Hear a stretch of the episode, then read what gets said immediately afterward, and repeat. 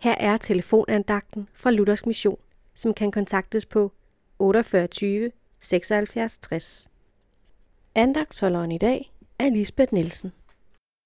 I Johannes evangeliet kapitel 3, vers 16 står, For således elskede Gud verden, at han gav sin enborne søn, for at enhver, som tror på ham, ikke skal fortabes, men have evigt liv. I denne tekst møder vi igen Gud som den handlende Gud. Gud elsker, og Gud giver. Da Gud havde skabt verden, glædede han sig over sit værk. Og selv da Adam og Eva i ulydighed handlede mod Guds bud, og derfor kom under Guds dom, ophørte hans kærlighed til dem ikke.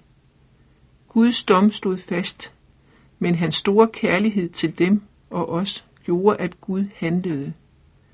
Han sendte sin egen søn til verden for at frelse os fra syndens og dødens magt og føre os ind i Guds rige igen. Jeg tror, vi alle kender til syndens magt i vores liv.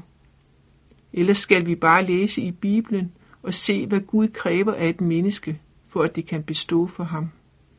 Læs de ti bud.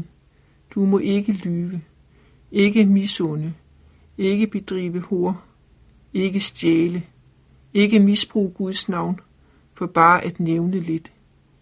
Nej, intet menneske kan bestå for Guds dom.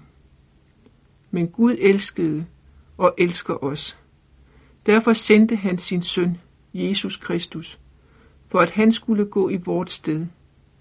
Han tog al vores synd og skyld på sig, og gik ind under Guds dom og vrede for os, for at vi, når vi tror på ham, ikke skal fortabes, men have evigt liv. Amen.